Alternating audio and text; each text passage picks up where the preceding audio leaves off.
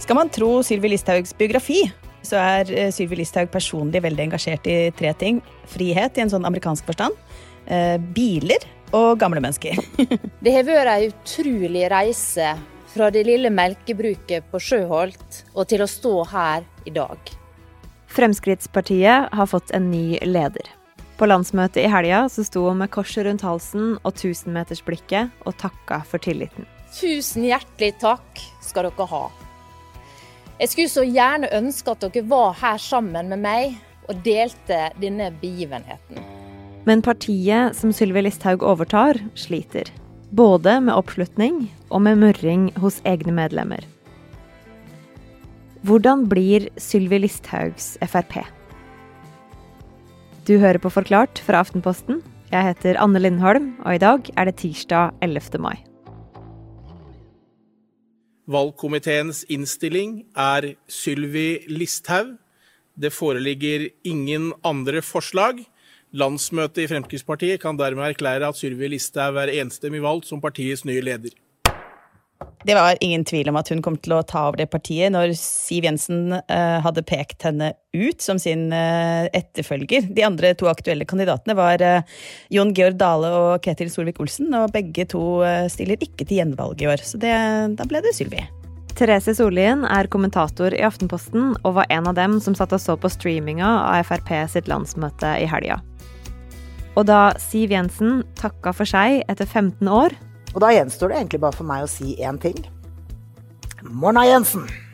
Så gikk samtidig startskuddet for en ny epoke for Frp, og muligheten for Sylvi Listhaug til å oppdatere Facebook-profilen sin med partileder. Rent privat er de forskjellige i den forstand at Sylvi Listhaug er en sånn utpreget familieperson. Hun snakker om med stor entusiasme hele tiden at den viktigste enheten er familien, ikke staten.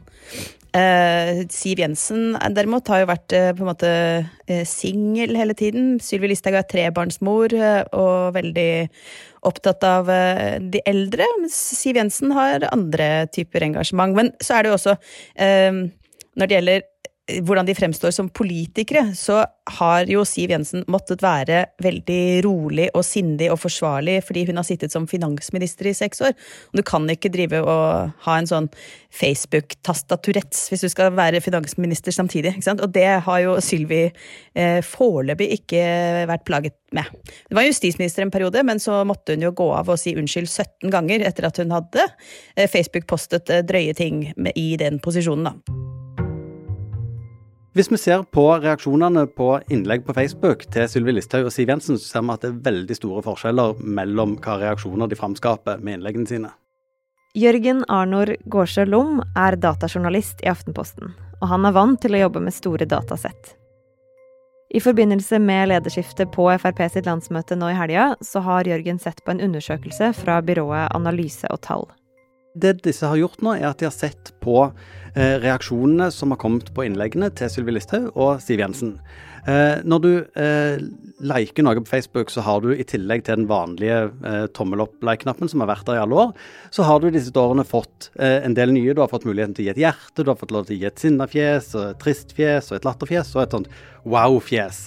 Eh, og det de har gjort da, er at de har sett på hva utenom den tommelen, som fremdeles utgjør det meste av likesene på Facebook, hva er det, det folk har gitt mest til innleggene til disse politikerne? Og hva viser den undersøkelsen, da? Du ser jo at når eh, disse nye reaksjonene først kom, så var det for det meste hjerter folk brukte across the board. Eh, så har du senere sett da at eh, for Sylvi Listhaugs del så har sine sinnereaksjonene vokst, og de har fortsatt å vokse til det siste. På Siv Jensen sine så har hjertene holdt seg stabilt som de mest brukte, til nye høyder i år, da, kanskje pga. en valp. For siden Siv Jensen sa at hun gir seg som partileder, så har den lodne valpen Karma fått besøke Facebook-veggen hennes en del. Legg deg ned. Ja, legg deg ned. Se her, da. Sitt. Bra. Legg deg. Bra. Vær så god. Therese, sånn rent bortsett fra hvor mange hundebilder de legger ut, hva sier forskjellene i reaksjoner om de to lederne som politikere? Jeg tror mye av de reaksjonene som skjer på Facebook, handler litt om hvordan de to partilederne har bygget opp sin følgeskare. Siv Jensen har jo ikke i samme grad brukt Facebook til å være en provokatør. Eh, Sylvi Listhaug eh, rendyrket jo det der da hun hadde rådgiver Espen Teigen, som på en måte skapte den følgeskaren som Sylvi Listhaug eh, har. Vet, det er sikkert mange som husker det bildet av henne da hun måtte gå av, hvor kontoret hennes var helt oversvømmet av blomsterbuketter. Altså hun, hun fikk så mye støtte. Uh, og tilsvarende også er det jo mange som uh, blir sinte bare de tenker på henne. Så hun, hun, har jo på en måte dyrket det man kan kalle polarisering eller engasjement, mens Siv Jensen har vært uh, mer stille i gangene, da. Og de som har vært innom veggen til Sylvi Listhaug, de har kanskje fått med seg at det er, det er en del poster om innvandring, det er om det norske flagget, og det handler om kjøtt. Altså, hva er det den nye Frp-lederen bryr seg mest om? Man kan jo uh, leve i den villfarelse at Sylvi Listhaug rent personlig er mest opptatt av innvandring. For det bildet har hun jo på en måte skapt selv av å reise på tur til Rinkeby og kaste seg ut i Middelhavet med flytevest og sånne ting. Men det hun rent privat bryr seg mest om, det er eldre mennesker. Det er det hun har jobbet mest med som byråd, og i tillegg eh, preget oppveksten hennes veldig. Hun var kjempenær med farmoren sin.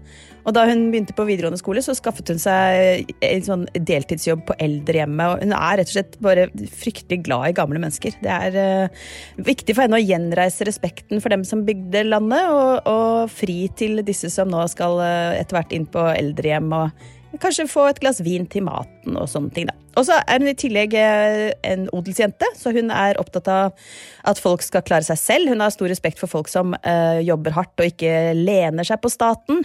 Er, hun er, veldig lite glad i staten generelt. Og så er hun jo i tillegg uh, ganske opptatt av at oljeindustrien skal, uh, skal ses på med stolthet og ikke som en fiende, da. Betyr det at Frp kommer til å ta en annen retning med Sylvi Listhaug som leder?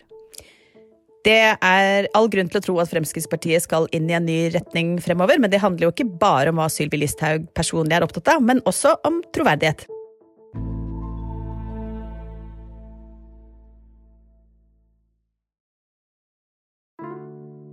Fremskrittspartiet er ikke så populært om dagen.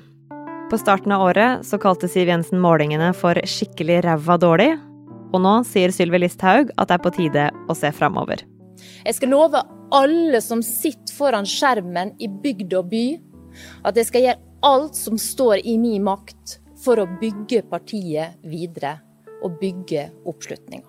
Hadde valget vært i dag, så ville de ha mistet åtte mandater, og de hadde vaket på rundt 11% Så det er jo eh, betydelig dårligere stilt enn foran forrige stortingsvalg i 2017 det de sliter med, det handler om regjeringsslitasje. Altså tapt troverdighet etter å ha sittet i posisjon, og det å skulle reetablere seg da som et opposisjonsparti, det er, litt, det er litt vanskelig å gjøre når man nettopp har vært på parti med dem som sitter i regjering. Men de gikk jo ut av regjering i februar i fjor, så sånn sett så er det jo en stund siden. Hjalp ikke det? Det skulle jo vise seg å være veldig dårlig timing, fordi straks etter at de gikk ut av det de kalte en grå og kjedelig regjering, fordi eh, regjeringen hadde bestemt å hente hjem den såkalte IS-kvinnen, så skulle det være en demonstrativ handling som gjorde at man husket at Frp sto for noe og hadde kjernesaker som velgerne brydde seg om. Men så kom koronapandemien og ødela absolutt alt. Fordi eh, det har bare handlet om sant, Bent Høies eh, fjellturer og, og, vaksinestrategi og sånt, og ingenting om det som Frp egentlig har hentet velgere på. For eksempel handler det om at grensene endelig ble stengt, noe som har vært en sånn Frp-drøm i mange år.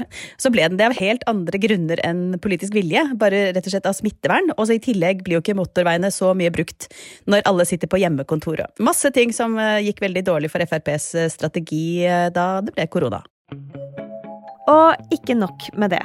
For folk i partiet virker ikke så fornøyde om dagen, de heller. For eksempel så meldte alle Frp-erne som satt i kommunestyret i Halden, seg ut av Frp i protest mot retninga partiet tok. Alle de tre kommunestyrerepresentantene fra Frp i Halden melder seg ut av partiet.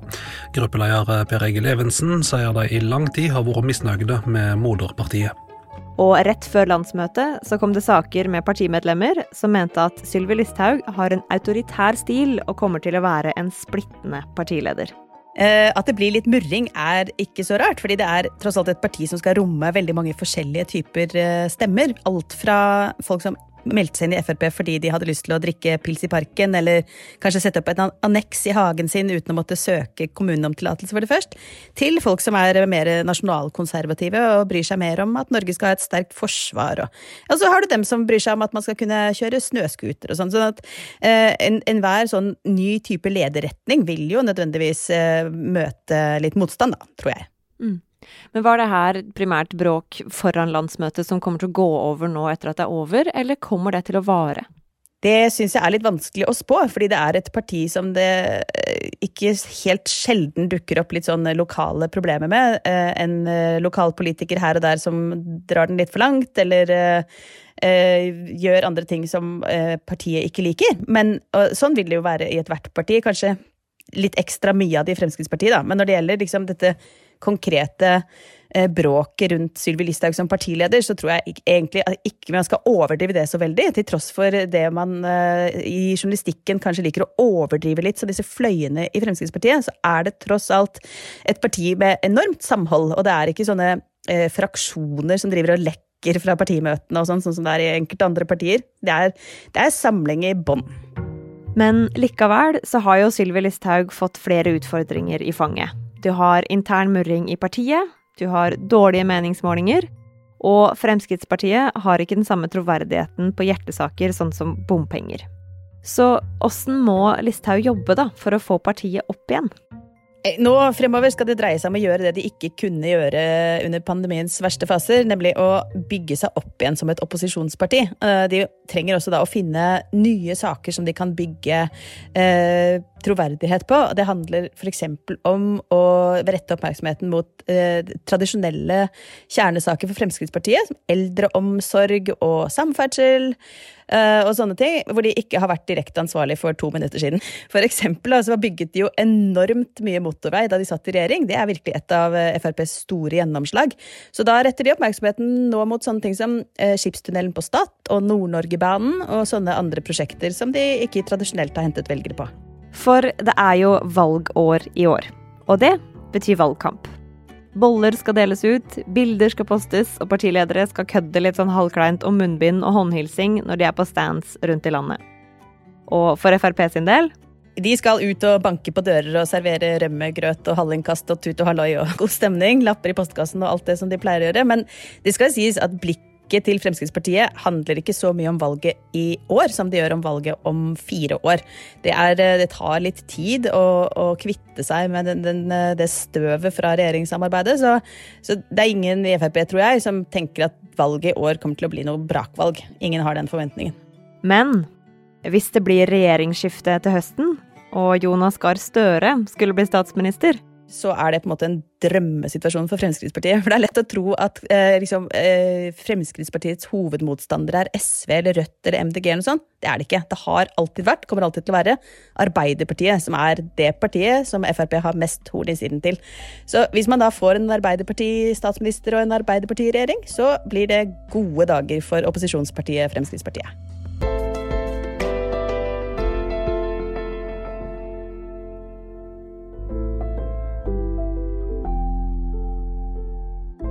Denne episoden her er lagd av produsent David Vekoni og meg, Anne Lindholm. Resten av Forklart er Guri Leiel Skedsmo, Marit Eriksdatter Gjelland, Ina Swann og Fride Næss Nonstad. Du hørte lyd fra landsmøtestreamen til Frp, fra Siv Jensen sin Facebook-vegg og fra NRK.